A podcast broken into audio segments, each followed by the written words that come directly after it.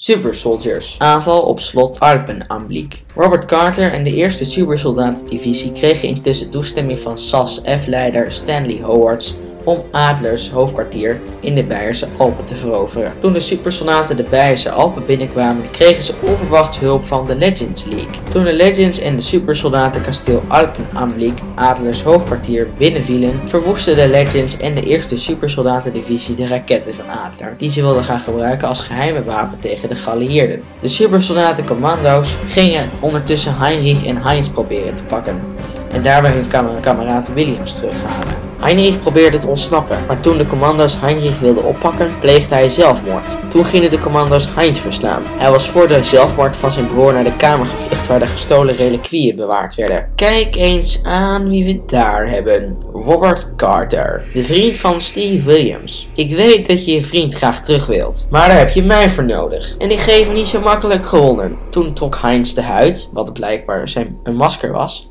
van zijn gezicht en toen verscheen er een gezicht met een gat in zijn voorhoofd. En allemaal verwondingen. Heinz wees naar het gat. Dit is een behandeling die de Russen van Oyeron mij gegeven hadden. Dit gat moest een litteken van het derde oog voorstellen, die de Russen eruit gehaald hebben. En toen pakte hij het reliquie, het Minotaurusoog, en deed hem in het gat. En toen veranderde hij in de Minotaurus. Hij pakte de hamer van Thor en schakelde de commando's uit. Alleen Carter bleef over. Toen vielen de Legends binnen. Heinz stond op het punt hen uit te schakelen tot hij bewusteloos neerviel. Degene wie hem uiteindelijk uitschakelde was Warrior Woman en ze pakte het oog uit het hoofd van Heinz. De tovenaar Merlijn kwam binnen en sprak tegen Heinz. Je weet Heinz dat het verboden is voor doden om naar de aarde terug te keren. Jouw ziel zal voor eeuwig in deze geestensteen blijven. En toen leek het lichaam van Williams leeg.